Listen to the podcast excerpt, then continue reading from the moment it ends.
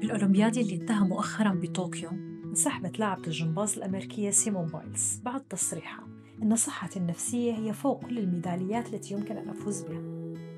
طبعا سيمون بايلز هي واحدة من أهم لاعبات الجمباز بأمريكا وحاصلة على 8 ميداليات ذهبية وكانت على بعد خطوات من تحقيق الذهبية التاسعة. يا ترى الصحة النفسية مهمة لهالدرجة لتخلي لاعبة عالمية مثل بايلز وبعد تدريب مكثف لسنوات تنسحب من تحقيق هدف حياتها؟ ويا ريت موضوع الصحة النفسية بيوقف عند هون كيت هارينغتون الممثل المشهور اللي لعب دور جون سنو بالسلسلة الأمريكية المشهورة Game of Thrones هو واحد من أبطال السلسلة لمدة سبع مواسم. صرح عن أخذه من فترة لاستراحة طويلة من العمل بهدف التركيز على صحته النفسية. طب لما عم بيكون في أبطال ومشاهير عالميين بيتركوا كل شي بيشتغلوا عليه ليركزوا على صحتهم النفسية فالموضوع بيستحق الوقوف عنده.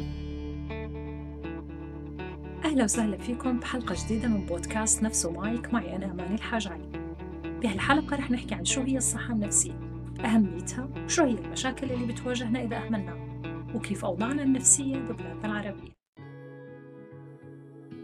حسب منظمة الصحة العالمية صحتنا النفسية هي إدراكنا لإمكانياتنا ونعرف كيف نتعامل مع ضغوطات الحياة العادية ونعمل أكيد بشكل منتج ومثمر ونساهم بالمجتمع اللي نحن فيه. ومكونات الخلطة السحرية لتكون بصحة نفسية جيدة هي ببساطة أنه نحب الحياة ونحقق سعادتنا ورضانا الداخلي؟ نبني علاقاتنا الاجتماعية بشكل جيد ونحقق إدارة سليمة لمتطلبات الحياة اليومية طب هالكلام شو له علاقة بحالة بايلز وهارينجتون لتحقيق أي هدف بالحياة لازم يكون عنا إرادة وعزيمة يعني معنويات عالية وكافية لنتغلب على كل التحديات والعوائق اللي ممكن توقف طريقنا كعائق من تحقيق الهدف والأمثلة هون كتير. كلنا بنتذكر أيام الامتحانات والتحضير والضغط النفسي المرافق لها. كمية التركيز المطلوبة للنجاح بالامتحان. وكتير عالم للأسف فشلت بالامتحان بالرغم من تحضيرها الجيد. ولكن نتيجة الضغط النفسي وقلة التركيز ما زبط معهم الامتحان. يعني كان في خلل نفسي معين منعنا من تحقيق النتيجة المطلوبة. مثال آخر أصعب من حالة الامتحان هو ممكن يمتد أثره النفسي علينا من أسابيع لشهور أو حتى لسنوات اللي هو فقدان شخص عزيز علينا وهون التطورات الشديدة للحالة النفسية ممكن تنعكس على صحتنا الجسدية. ممكن يصير في عنا اضطرابات بالنوم أو فقدان للشهية وبالتالي رح يظهر علينا تعب جسدي واضح يمنعنا من أنه نكمل حياتنا بشكل طبيعي. طبعا ما بتتوقف الأمراض النفسية على هالأمثلة والقائمة تطول. تعرفوا أنه حسب إحصاءات الصحة العالمية في واحد من كل أربع أشخاص بيعاني أو سيعاني من مرض نفسي واحد على الأقل خلال حياته وتطوراته بتأثر على أدائنا الوظيفي وعلاقاتنا مع الأشخاص اللي حوالينا. وبالتأكيد التطورات الشديدة منه رح تهدد حياتنا بالخطر. لكن للأسف حسب منظمة الصحة العالمية 70% من المرضى ما بيطلبوا المساعدة من المختصين. طب ليش ما انطلبت المساعدة بالوقت المناسب؟ وشو هي العوائق اللي بتمنع أي حدا عنده مشكلة من طلب الاستشارة؟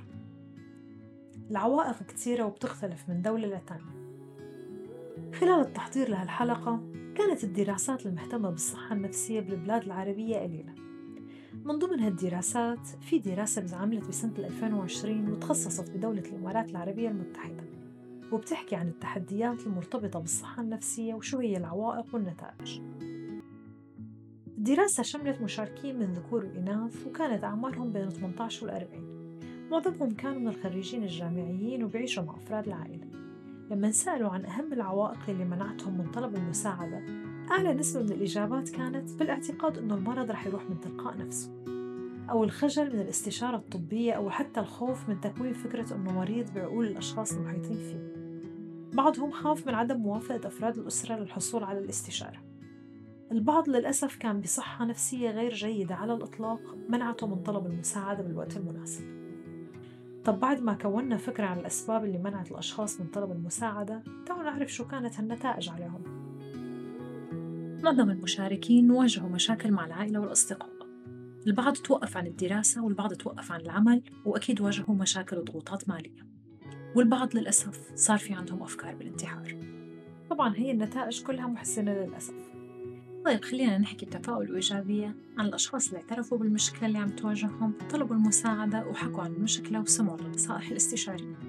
فالعوائد كانت عن جد رائعة بالنسبة لعظمة من الأشخاص تردوا ثقتهم بنفسهم. تحسنت علاقاتهم مع العائلة والأصدقاء وتحسن أدائهم العلمي والوظيفي. بالإضافة لذلك تحسنت الصحة والنشاط الجسدي.